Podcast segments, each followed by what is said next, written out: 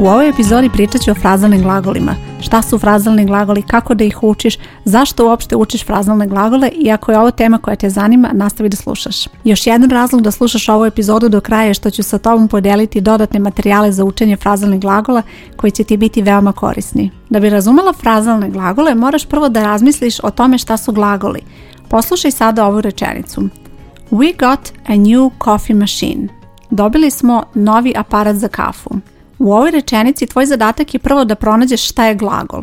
U ovom slučaju to je glagol got koji je u prošlom vremenu past simple, a osnovni oblik tog glagola, odnosno infinitiv, je get. Kada umeš da prepoznaš glagol, sada će ti biti mnogo lakše da prepoznaš frazalni glagol. Frazalni glagol uz sebe ima predlog ili prilog, a nekada i jedno i drugo, znači i predlog i prilog.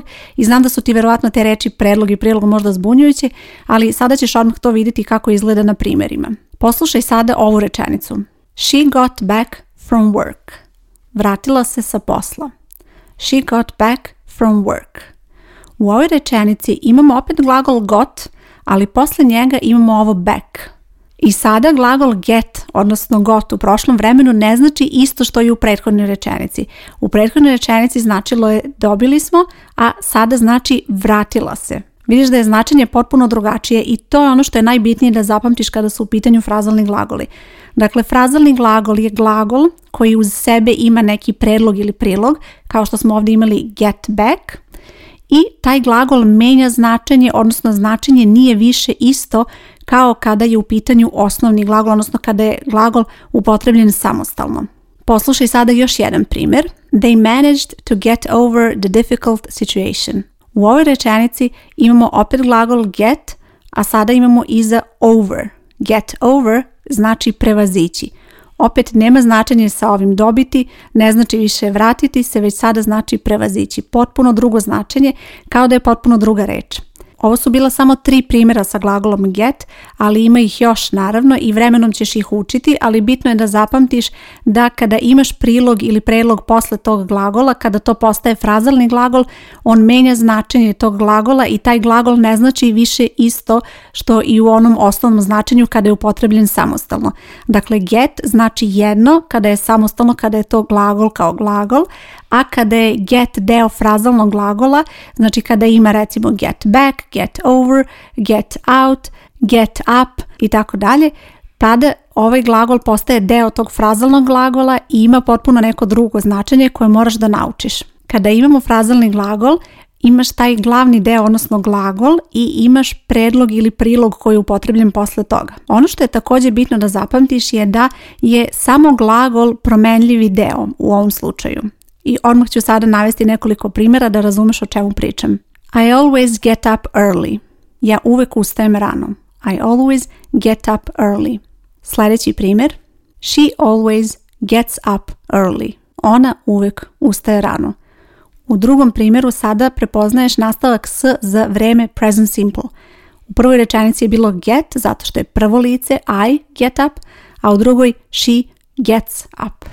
Dakle, samo glagol menja taj oblik i prilagođava se vremenu u rečenici, a ovaj predlog up ostaje isti, on se ne menja. Ali sve zajedno get up znači ustati bez obzira da li je get up ili da li je gets up, značenje je isto bez obzira što ti prilagođavaš glagol rečenici. Imaju u vidu da sam napomenula da je značenje isto, prevod nije isti, naravno prilagodit ćeš prevod rečenici, zavisi od samog početka rečenice, ali samo značenje je isto, odnosno odnosi se na isti pojam. Još jedna stvar koja je bitna da zapamtiš kod frazalnih glagola je da su neki frazalni glagoli neprelazni, što znači da poslije njih ne koristiš objekat. Odmah ću ti navesti primjer, prvo jedan, a onda ću ti objasniti kako to da naučiš. They decided to get back odlučili su da se vrate. Ovo get back je frazalni glagol koji je upotrebljen i nema posle toga objekta. Znači posle get back nije upotrebljeno ništa. I to je neprelazni glagol. Da li je glagol prelazni ili neprelazni naučit ćeš kada učiš frazalne glagole. To znači da kada učiš frazalni glagol i kada naučiš značenje, probaj da naučiš kako se koristi taj glagol u primjerima. Bitno je da zapamtiš te primjere jer će ti to pomoći da onda možeš da upotrebiš taj frazalni glagol i da znaš kako pravilno da upotrebiš, to jest da li je potrebno posle tog glagola dodati nešto ili ne. Poslušaj sada još jedan primjer. I don't like to get up early. Ne volim da ustajem rano. I don't like to get up early. Get up je frazalni glagol koji opet nema objekat posle sebe. Iako čuješ reč early posle get up, imaju vidu da reč early nije objekat, dakle get up je frazalni glagol koji je neprelazni i nema objekat. E sada poslušaj nekoliko primjera da čuješ kako izgleda kada je frazalni glagol prelazni, odnosno kada se posle može koristiti objekat. She made up the story. Izmislila je priču. She made up the story. Made up nije upotrebljeno samostalno, već posle ima šta je ona to izmislila. Made up, izmisliti i nedostaje objekat šta je ona izmislila, the story. They have decided to call off the meeting. Imamo frazalni glagol call off, otkazati i posle toga imamo reč the meeting, znači šta su oni to otkazali, the meeting, sastanak i opet tu imamo objekat posle tog glagola. Dakle, kada učiš recimo frazalni glagol call off, probaj da naučiš da mora da se upotrebi nešto posle toga. Call off the meeting, call off the event, call off the concert i tako dalje. Sada kada znaš nešto osnovno o frazalnim glagolima, verovatno se pitaš zašto uopšte učiš frazalne glagole i ono što treba da zapamtiš je da su frazalni glagoli deo konverzacije, odnosno deo svakodnevnog govora u engleskom jeziku. To znači da bez obzira u kojoj si sredini, bez obzira da li putuješ, da li koristiš engleski u poslovnom okruženju, da li recimo studiraš na engleskom i pratiš neka predavanja na engleskom ili šta god, frazalni glagoli će ti biti neophodni. Oni se koriste i u formalnom i u neformalnom govoru, ali su mnogo češći u neformalnom govoru. Dakle, u formalnom govoru se ne koriste toliko često, ali jesu naravno i tu deo konverzacije. Sljedeće pitanje koje se postavlja je kada da kreneš sa učenjem frazalnih glagola i ako si početnik u engleskom, verovatno misliš da je to tema koja može malo da sačeka, ali nemoj tako da razmišljaš, probaj da se fokusiraš na to da učiš frazalne glagole od samog početka. Također, kurs koji pohađaš verovatno će imati neki frazalni glagol, možda neće ti biti onako naznačeno, e to je frazalni glagol, ali će imati sigurno, recimo kada naučiš da kažeš I get up at 6 a.m., kada naučiš da kažeš o sebi rečenicu kada ustaješ, već si upotrebila frazalni glagol get up čak možda i da to ne primetiš, čak i da možda ne znaš da je to frazalni glagol, naučit ćeš da get up znači ustati i to ćeš naučiti kao neku novu reč koju učiš kada učiš početni engleski. Naravno, kako napreduješ sa lekcijama, sve više frazalnih glagola ćeš učiti i zato je bitno samo da kreneš od samog početka, da ne ostavljaš frazalne glagole za nešto što ćeš učiti recimo na nekom srednjem ili naprednom nivou, jer nije tako, te reči, odnosno frazalni glagoli su deo govora i kao takvi koriste se naravno i na početnom nivou. Recimo u okviru kursa Engleski 101 u mojoj školi učit ćeš frazalne glagole iako je recimo to kurs za apsolutne početnike, zato je bitno da se spremiš od početka da učiš frazalne glagole kao sve nove reči, kao što ćeš učiti vremena u početku i frazalni glagoli su deo konverzacije i bitno je da i njih učiš od samog početka. I za kraj hajde da popričamo o strategiji za učenje frazalnih glagola, odnosno kako da priđeš ovoj temi i kako da učiš frazalne glagole. Ono što je prvo bitno da zapamtiš je da ne postoji neki određeni spisak koji ti treba da seneš i da učiš. Frazalnih glagola ima jako puno, i čak postoji rečnik frazalnih glagola, ali ti naravno nećeš uzeti rečnik i sad ići onako od slova do slova i učiti svaki pojedinačni frazalni glagol jer to tako ne ide i ne uči se jednostavno na taj način. To je bitno zato što znam one koji imaju takva očekivanja, koji mi se često obrate da im je potreban spisak da nauče sve frazalne glagole, a to jednostavno nije moguće. Dakle, frazalni glagoli su kao neke druge obične reči u engleskom i jednostavno postoji trenutak kada učiš koji frazalni glagol. Neki glagole ćeš učiti na početnom nivou, neki ćeš učiti na srednjem nivou, neki ćeš učiti ako se recimo fokusiraš na poslovni engleski, neki ćeš možda preskočiti recimo ako te ne zanima ta tema, neki ćeš učiti na naprednijim nivoima i tako dalje. I to je nešto što će sve tebi omogućiti program kursa koji pohađaš. To znači da ne treba ti da biraš unapred frazalne glagole koje ćeš učiti, već postoje lekcije u okviru kursa koji pohađaš i koje će te pripremiti za to. Sljedeći korak, ono što je sa tvoje strane, je kada dođeš do takve lekcije, kada imaš frazalne glagole koje treba da naučiš, treba da im priđeš kao da su to bilo koje druge nepoznate reči. Nemoj pokušavati previše da se oslanjaš na izvorno značenje samog glagola.